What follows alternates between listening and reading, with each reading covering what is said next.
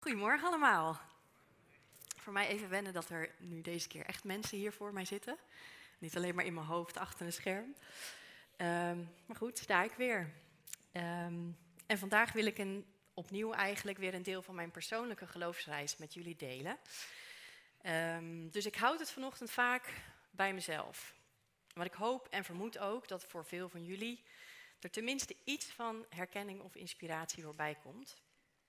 En ik moest denken aan uh, een boekje van Parker Palmer, wat ik een tijd geleden las. Um, en ik wil jullie dat meegeven, een soort als advies als je luistert naar het verhaal van een ander, wat je eigenlijk vandaag gaat doen. Um, hij zei, je kunt aantekeningen maken van degene die spreekt, dus dan schrijf je netjes op wat diegene allemaal zegt en wat hij bedoelt te zeggen. Maar je kunt ook luisteren en aantekeningen maken van jezelf. Dus eigenlijk, vooral terwijl je luistert, ook bewust zijn van, oké, wat resoneert er bij mij? Um, wat roept dit bij mij op? Welke emotie komt omhoog? Zelfs boosheid is interessant als dat gebeurt. Um, wat zijn mijn eigen gedachten hierover? Want dat is meestal, mijn ervaring, um, wat God eigenlijk tot jou wil zeggen. Meestal is maar een klein ding uit zo'n heel verhaal, wat er uitspringt, wat iets is wat je echt mee moet nemen. Dus dat, even terzijde. Um, ik wil jullie dus vandaag meenemen naar een keuze die ik maakte in de zomer van 2018. Dat was zes jaar nadat ik mijn spiraaltje liet verwijderen. En vijf jaar. Ik begin nou al met huilen. Dat wordt wat vandaag. Oh oh.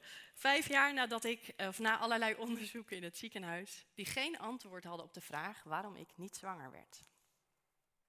In de zomer van 2018 maakte ik dus eindelijk een keuze. En ik wist wat het risico van die keuze was. Daarom had ik het al die jaren voor me uitgeschoven. Ja, natuurlijk wilde ik nog steeds graag moeder worden. Maar ik twijfelde steeds over de vraag hoe ver ik bereid was daarvoor te gaan. Het idee om weer naar het ziekenhuis te gaan en deze keer een fertiliteitstraject te starten, IUI, misschien als dat nodig zou zijn, ook IVF. Dat ik als het ware mijn handen vragend uit zou strekken in de hoop iets te ontvangen, dat voelde veel te kwetsbaar. Want wat als ze leeg zouden blijven? Zou ik daarmee kunnen dealen? Ik wist heel goed wat ik wens en niet krijg, kan mijn leven gaan beheersen. Ik was bang dat ik zou worden opgeslokt door een lelijke brei van jaloezie, bitterheid en ontevredenheid. En dat was het laatste wat ik wilde kon het ook anders? Dat was mijn grote vraag. Ik was toen al gewend geraakt om in mijn levensvragen te zoeken naar voorbeelden. Dus naar verhalen waar ik mezelf in herkende of waar ik me juist tegen kon afzetten. Verhalen die me hielpen bepalen wie ik in deze uitdaging wilde zijn. En ik dacht aan Hanna. Haar verhaal staat in de Bijbel in 1 Samuel hoofdstukken 1 en 2. Hanna was een geliefde vrouw maar ze had geen kinderen. En dat stak. Het hielp niet mee dat haar man nog een vrouw had, die juist een heel elftal aan kinderen had. En er ook nog eens niet heel erg nederig over deed. Dus ze deed wat, volgens Dennis, vrouwen altijd doen. Hanna huilde bittere tranen. Vervolgens deed haar man wat mannen dan altijd doen. Hij vroeg vertwijfeld: Waarom huil je toch? Waarom eet je niet? Waarom ben je zo verdrietig? Je hebt mij toch? Ben ik jou niet meer waard dan tien zonen? Dat was een goede vraag. Hanna moet hebben nagedacht over die vraag. En zo kwam er een jaar dat het gezin, zoals altijd, in de stad was om God te aanbidden, in de tempel. Dat jaar was Hanna zich extra pijnlijk bewust van haar lege handen. Ze besloot om alvast in haar eentje naar de tempel te gaan om God op te zoeken. Huilend ging ze op haar knieën en stortte haar hart bij hem uit. Dit was haar gebed. God, ziet u mij eigenlijk wel? Wilt u mij alstublieft niet vergeten? Wilt u alstublieft aan mij denken? En als u aan mij denkt, geef me dan een zoon ik beloof dat ik hem aan u terug zal geven. Nadat ze de tempel verliet, at Hanna weer en haar sombere stemming was opgeklaard. En in de loop van de tijd werd Hanna zwanger en beviel ze van een zoon. Ik kende het verhaal van Hanna al heel lang. Maar ik had nooit gedacht dat ik zelf ongewenst kinderloos zou worden. Ineens kon ik me met dit verhaal identificeren. En toen ik het las, of eigenlijk nog een keer las, viel me iets op wat me nooit eerder was opgevallen. Hanna was voor mij namelijk altijd een vrouw geweest die heel graag een kind wilde en phew, hem gelukkig kreeg. Ik zag haar eerlijk gezegd ook een beetje als een zielige vrouw. Die zeurde en smeekte, net zo lang tot ze haar zin kreeg. Maar nu zag ik, Hanna was gewoon heel eerlijk. Haar man had haar gevraagd: Ben ik jou niet meer waard dan tien zonen? En Hanna moet zich hebben gerealiseerd: Blijkbaar niet. Dat was de pijnlijke waarheid. Ik vermoed dat ze wilde dat het anders was. Dat haar kinderwens haar leven niet zo hardnekkig beheerste. Dat ze tevreden kon zijn met wat en wie ze had. Dus Hanna worstelde met deze vraag. Waarom is het missen van een kind voor mij zo levensgroot? En ik denk dat zij, omdat ze het antwoord had gevonden, haar weg naar de tempel vond. Daar brak ze en gaf ze toe. God, u weet dat ik geen kinderen heb. En daardoor vraag ik me af of u mij wel ziet. Of u wel weet dat ik besta. Of ik u ooit aan mij denkt. Doe ik er eigenlijk wel toe voor u? Ja, Hanna vroeg God om een kind. Maar in één en dezelfde adem beloofde ze het terug te geven. Dat is niet wat iemand die koste wat kost een kind wil, zou doen. En dat kan maar één ding betekenen. Het ging Hanna niet in eerste instantie om het kind. En ik zeg dat nog een keer, want dit was mijn aha-moment. Het ging Hanna niet om het kind. Het ging haar om God. Ja, ze vroeg om een kind. Maar het kind was voor haar alleen een teken. Wat Hanna vooral wilde was weten dat God haar zag. Dat God haar hoorde. Dat hij haar erkende. Dat zij voor hem bestond. En als ze zwanger zou worden, dan wist ze dat God haar had gehoord. Dat hij van haar hield. En als ze dat wist, dan kon zij zonder kind leven. Hanna raakte zwanger en beviel van een zoon. Ze zorgde voor hem tot hij oud genoeg was om hem naar de tempel te brengen. Toen bracht ze hem daar, zoals ze beloofd had. En ze liet hem over aan de zorg van God. Zo liet Hanna aan God zien: Het ging mij echt niet om het kind. Het ging mij om u. U, mijn God, bent mij meer waard dan tien zonen. Hanna nam afscheid van haar zoon en zong een lied van vreugde. God had haar gezien en meer had zij niet nodig. Wat ik wil en niet krijg, kan gift zijn voor mijn leven. Daar was ik me zo bewust van. En mijn eigen oplossing voor dit probleem was heel lang geweest om een verlangen maar steeds, meer de mond, steeds opnieuw de mond te snoeren. Gewoon geen actie te ondernemen. Geen risico te lopen op de pijnlijke realiteit van blijvend lege handen. Dat werkte, tijdelijk. En dus ging ik uiteindelijk het fertiliteitstraject aan. Op mijn moeilijke weg had ik in Hanna mijn grote voorbeeld gevonden. De vrouw die haar hart uitstortte bij God, die haar handen opende in een kwetsbare vraag, maar die haar vingers nooit krampachtig klemde om dat wat ze wenste of dat wat ze kreeg. Ze weekte haar hart los van dat wat voor haar van levensbelang leek, een kind. En ze plantte haar leven in de aarde van wat werkelijk van levensbelang was. Haar God. En dat, alleen dat, was haar grote vreugde. Dus iedere teleurstelling op mijn weg, van injecties in mijn been en in mijn buik, van echo's in het ziekenhuis, inseminaties, puncties, terugplaatsingen. Iedere teleurstelling greep ik aan als een kans.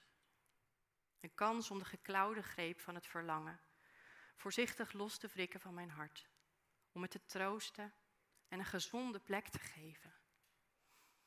Om te leren het losjes met me mee te dragen, onderweg naar ware vreugde. Ik leerde net als Hanna goud eerlijk te zijn over wat mij beheerste en waarom. Als ik controle zocht en zekerheid, als ik me veel te krampachtig vastbeet, terwijl ik steeds opnieuw de uitkomst niet kon bepalen. Als ik bitter reageerde of onverschillig was. Ik leerde ook vasthoudend te zijn. De moeilijke weg steeds weer aan te gaan. Steeds terug te gaan naar God met mijn ongepolijste gedachten, mijn rauwe emoties. Mijn vastberaden doel om de weg naar Hem te vinden, hier dwars doorheen. En ik leerde, net als Hanna, toegewijd te zijn aan God alleen als de bron van mijn leven. Aan Hem alleen als de basis van mijn welzijn. En al het andere elke dag weer los te laten.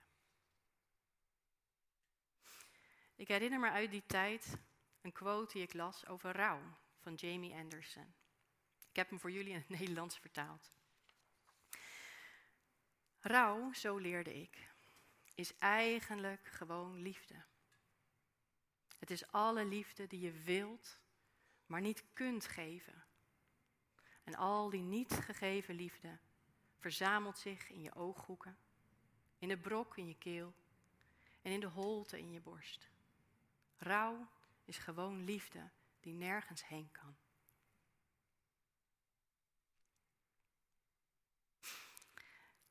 Ik las dit en ik huilde. En toen droogde ik mijn tranen. En zag ik dat mijn liefde misschien niet daarheen kon waar ik wilde dat het heen zou gaan, naar een kind van onszelf. Maar mijn beide zusjes hebben een gezin. Mijn jongste zusje had een klein ventje rondlopen dat net begon te babbelen. En ik wist dat het niet waar was. Mijn liefde kon niet nergens heen. In dezelfde periode las ik het boek De Keuze van Edith Eva Eger. Zij omschrijft de kleinbaar, schijnbaar kleine, maar essentiële keuzes die je wel hebt, ondanks alle omstandigheden die je niet voor het kiezen hebt. Geen kleine uitspraak voor haar, want zij overleefde niets minder dan de horror van Auschwitz. Ze heeft in haar boek, het, heeft het ook over een vriendin die tegelijk met haar zwanger was. Zwanger was geweest, maar haar kindje was verloren. En Edith was onder de indruk van deze vriendin, want ze liet zich nooit verleiden tot jaloezie of bitterheid. En toen ze dit een keer met haar vriendin besprak, zei die: Ik heb gekozen om de liefde die ik voelde voor mijn overleden kind te steken in de kinderen die wel leven. En ook zij werd een voorbeeld voor mij. En zo koos ik elke dag om lief te hebben. De kinderen die er wel waren. En mijn hart groeide. Groter en warmer. Om de pijn heen. Mijn hart heelde. God was goed voor mij. En door de jaren heen vond ik vreugde. Een diepe vreugde.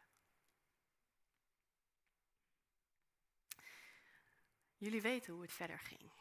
De meeste van jullie in ieder geval. Vandaag ben ik toch moeder. Nog één klein vraagteken ligt in de vriezer in het EMC op ons te wachten. Het zou onze laatste poging zijn geweest. De terugplaatsing stelden we nog uit. Het leven was kaal in de sporen van corona, het overlijden van een vriend en het uit elkaar vallen van het huwelijk van andere vrienden. Het was in die winter, terwijl ik onder de kale boomtakken doorliep, alsof God aan mij vroeg: Mag ik van jou ook stil zijn? De vraag verraste mij. Ik had half bewust gewacht op inzichten, op het fijne gevoel dat hij dichtbij was, op een teken van zijn betrokkenheid. Maar blijkbaar wilde God nu graag stil zijn. En natuurlijk mocht hij dat van mij. Het was nooit mijn bedoeling geweest om hem tot gesprekken te dwingen. En zo leerde ik zwijgend naast een stille God te zitten. Ik leerde volledige overgave aan mijn realiteit. Ik leerde zelfs de kale dagen liefhebben, de leegte en de eenzaamheid. Het leven radicaal te aanvaarden zoals het was. En langzaam vond ik rust. En toen was ik zomaar spontaan zwanger. Onze zoon is deze maand een half jaar oud geworden. Ja, het is een wonder. En toch heb ik er soms een beetje moeite mee. En ik weet dat alle lieve mensen, velen ook van jullie, het heel erg goed bedoelen als ze naar hem kijken en dan naar mij en met glinsterende ogen zeggen: Wat is het toch geweldig, hè? Dat het toch nog is gebeurd. Prijs de Heer, wat een zegen. En dat is het natuurlijk ook. Geweldig. En een zegen. En natuurlijk, prijs de Heer. Maar prijs de Heer ook voordat ik zwanger werd. Echt geen millimeter minder. En als het er nu zo bovenop ligt, die vreugde en dankbaarheid, dan lijkt het alsof het er daarvoor niet was. Terwijl Zijn liefde voor mij en de vreugde in Hem, in het kale en het lege, nog zoveel dieper ging. Ben ik jou niet meer waard dan zelfs tien zonen? Ja, uit de grond van mijn hart, ja, zoveel meer. Hanna ging naar huis en werd dus zwanger. Ze kreeg haar kind en zou hem naar de tempel brengen. Maar voor ze hem losliet, worstelde ze. De eerste keer nadat ze moeder werd en het weer tijd was om naar de tempel te gaan, herinnerde haar man haar eraan: We hebben God beloofd om onze zoon terug te geven. Maar Hanna bleef thuis. Ik realiseer me dat ik pas kort moeder ben. Maar ik twijfel er niet aan dat er ook in het moederschap genoeg is wat je kan beheersen. De eerste keer. Nee, wacht even, daar was ik niet. ik voel het nu al aan alle kanten trekken. En er is die diepe wens om hem heel stevig vast te houden. De wens om een perfecte moeder te zijn, het altijd goed te doen. De behoefte om hem tegen alle gevaar en moeite te beschermen. De neiging om al mijn tijd en energie te geven ten koste van mezelf. Want ook wat je wilt en wel krijgt, kan je leven gaan beheersen. Kan gif zijn als je het laat gebeuren. Hanna had tijd nodig en God gaf haar die tijd. Loslaten is nooit makkelijk. Loslaten gaat in stapjes. Dus elke situatie die we tegenkomen, geeft ons ook daar een nieuwe kans. Om steeds opnieuw eerlijk te zijn over wat ons beheerst. Om vasthoudend te zijn. Opnieuw en opnieuw met rauwe emoties terug te gaan naar God. Om Hem te blijven op te, of blijvend op te zoeken. En om toegewijd te zijn aan Hem alleen. Als de enige bron van ons leven. Want alleen dan zijn we vrij. Elke dag is een kans om mezelf eraan te herinneren dat ik deze zo niet nodig had om een gelukkig mens te zijn. Dat God alleen genoeg was en is voor mij. Want alleen als ik dat weet, ben ik volledig vrij. En alleen als ik volledig vrij ben, kan ik mijn kind liefhebben zoals hij is. En niet zoals hij voor mij moet zijn. Dat geloof ik met heel mijn hart. Dat alles wat ons beheerst onze liefde vertroebelt. Onze liefde voor God, voor onszelf, voor anderen en dus ook voor onze kinderen. Zij hebben te dealen met de gevolgen van onze giftige obsessies. Maar ook elke keer als wij meer vrijheid vinden, wordt onze liefde puurder. En is dat voor onze kinderen een last minder. Dus ook als moeder blijf ik er naar streven om alleen op God te bouwen, om helemaal vrij te zijn. En ook in deze uitdaging vind ik een bron van inspiratie in de Bijbel. Deze keer in een verhaal over een zoon en een vader in het boek Rechters, hoofdstuk 6. Dit verhaal vond plaats lang voor Hanna überhaupt bestond. Deze vader en zoon leefden in een tijd van bezetting. Het volk Israël had zich teruggetrokken in grotten in de bergen, omdat ze door hun overheersers niet met rust gelaten werden. En zelfs daar konden ze zaaien wat ze wilden, maar ze zagen hun oogst steeds weer in vlammen opgaan. Geen van hun inspanningen leverde ook maar iets blijvends op. Er waren wel oude verhalen over een God die hen had gered en die beloofd had voor hen te blijven zorgen. En officieel geloofden ze nog steeds in hem. Maar deze bewuste vader had uiteindelijk ook een altaar neergezet voor Baal, de god van de overheerser. Voor de zekerheid, om zich in te dekken. Baat het niet, dan schaadt het niet. We weten niet waarom. En daar vinden we zoon Gideon op het erf van zijn vader. Hij staat graan te malen in een wijnpers in de hoop dat de vijand het niet merkt. En dan hoort hij ineens: God is met je, machtige strijder. Hij kijkt op en ziet een engel die daar zomaar zit onder een eik. Gideon reageert: Ja, dat zal wel. Als God met ons is, waarom overkomt ons dit dan allemaal? Ik heb heus wel gehoord over de wonderen die God deed. Maar daar merk ik helemaal niks meer van. Als je het mij vraagt, heeft God ons gewoon verlaten en ons overgeleverd aan de vijand. De engel moedigt hem aan. Ga onderweg in de kracht die je hebt en red je volk van de overheerser. God is degene die je stuurt. Maar Gideon zegt: Hoe kan ik mijn volk redden? Mijn stam is de zwakste en ik ben de kleinste in mijn familie. En toch, ondanks dat blijft God met hem in gesprek. Hij zegt: Ik ben bij je en je zult je vijand overwinnen. God gelooft blijkbaar in Gideon. En zijn geloof is als een klein zaadje geplant in een akker van twijfel. Een interessante interactie volgt. Gideon zegt: Oké, als dat zo is, geef me dan een teken. Wacht even, ik ben zo terug. En God wacht op Gideon. Terwijl Gideon vlees en brood klaarmaakt. Als Gideon terugkomt en het offer op een steen legt, wordt het door vuur verteerd. Gideon ziet het gebeuren en dan gelooft hij dat het echt is dat God echt is. Hij voelt een diepe vrede en is niet meer bang. God vraagt hem dan of hij het altaar van zijn vader voor Baal wil vernietigen. En Gideon gehoorzaamt. Hij doet het s'nachts, want zoveel vrede heeft hij dan ook weer niet. En hij weet vrij zeker dat de mensen uit het dorp het niet gaan waarderen. De ochtend komt en het duurt inderdaad niet lang voor hij tot ter verantwoording wordt geroepen. En dan verschijnt zijn vader. Ik stel me voor dat hij diep doorademt, deze vader. Terwijl hij het verwoeste altaar van de afgod aan de ene kant bekijkt. En de verontwaardigde woede van zijn volksgenoten ziet. En dan maakt deze vader een keuze. Hij kiest er niet voor om zijn zoon terecht te wijzen. En dat had hij kunnen doen. Zijn zoon had openlijk omvergehaald wat hij had gekozen te dienen.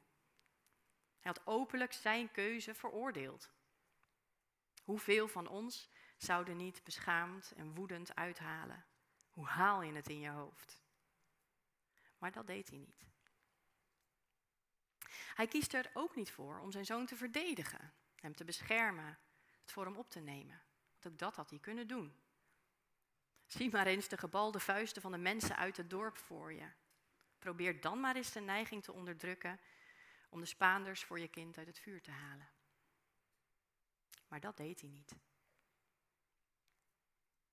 De vader van Gideon haalt diep adem en spreekt. Gaan jullie echt voor Baal opkomen, proberen hem te redden? Daar ga je spijt van krijgen. Als Baal echt een god is, dan kan hij wel voor zichzelf opkomen. En in deze laatste zin zit heel veel verpakt. Ik hoor de vader van Gideon zeggen: Ik heb ervoor gekozen dit altaar neer te zetten. En mijn zoon heeft ervoor gekozen het te verwoesten. Maar deze strijd is niet tussen hem en mij. Deze strijd is tussen hem en Baal. Tussen hem en mijn afgod. Als Gideon achter zijn keuze staat, als hij ervan overtuigd is dat dit de goede weg is, laat hem er dan voor gaan en de toekomst zal het leren. Hieruit blijkt het vertrouwen van deze vader. Als Baal echt een God is, dan zal hij zich naar mijn zoon bewijzen. Indirect zegt hij natuurlijk ook, als Baal niet echt een God is, dan gebeurt dat niet. En in de kern is dit wat hij gelooft. De ware God zal zichzelf bekendmaken. Ik vertrouw erop dat mijn zoon deze ware God kan en zal vinden. Wat een vrijheid en wat een vertrouwen. Wat een voedingsbodem voor een kind om in op te groeien. De zoon van Hanna groeide op nadat zij hem losliet in het huis van God en leerde al heel jong zijn stem herkennen. Hij werd een van de belangrijkste profeten voor Israël. Degene die David tot hun eerste koning zalfde. En wij kennen Gideon nu als een onzekere man die nogal veel bevestiging nodig had, maar die uiteindelijk met hulp van de ware God met een belachelijk klein leger de vijand versloeg en zijn volk een tijd van vrede bracht. Maar eerst was hij een jonge man die de afgoden van zijn familie ontmaskerde en ontroonde. De zoon van een vader die hem dat toestond. En toen zijn volk na de grote overwinning aan Gideon vroeg om over hen te heersen, sloeg hij dat af. Hij zei: Alleen God zal over jullie heersen. Gideon weigerde een afgod te worden. Hij liet zich niet verleiden om door wat dan ook beheerst te worden. Hij had de ware God leren kennen en vertrouwde alleen op Hem. Dit is wat ik wil voor mijn zoon. Ik weet dat ik geen enkele controle heb over zijn weg, over de uitdagingen die op zijn pad komen en over de keuzes die hij besluit te maken. En ik weet dat ik dat steeds weer moeilijk zal vinden. Gelukkig heb ik op deze uitdagende weg die voor mij ligt een groot voorbeeld gevonden. In een man die niet in elkaar kromp van schaamte, omdat zijn kind zijn gekozen pad afwees. Een man die niet zwichtte onder de angst voor de gevaren die zijn kind over zichzelf afriep. Een vrij man, een bevrijde vader. Vrij genoeg om zijn kind echt lief te hebben. Om hem zijn eigen keuzes te laten maken, zelfs waar dat voor hem schaamte en angst betekende. Zodat hij voor zichzelf kon ontdekken wie de ware God was en waar de bestemming van zijn leven lag.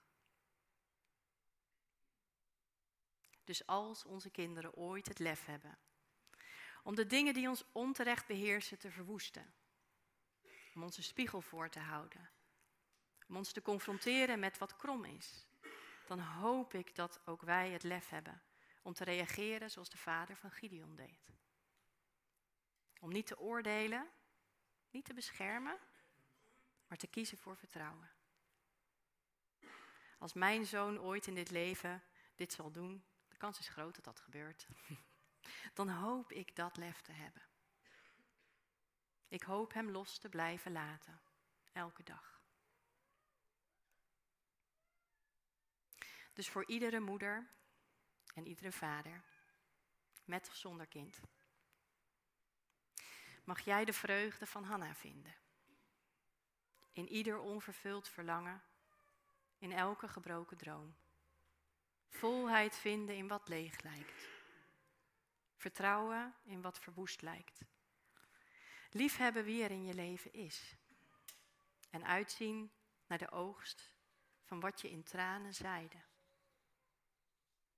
En voor iedere zoon en iedere dochter, met of zonder bevrijde vader, mag jij de vrede van Gideon vinden. In iedere vraag en elke onzekerheid Ga maar. Wees niet bang om onbewoonde heilige huisjes af te breken. Want de ware God komt voor zichzelf op. Hij zal zich laten kennen, ook door jou. Amen.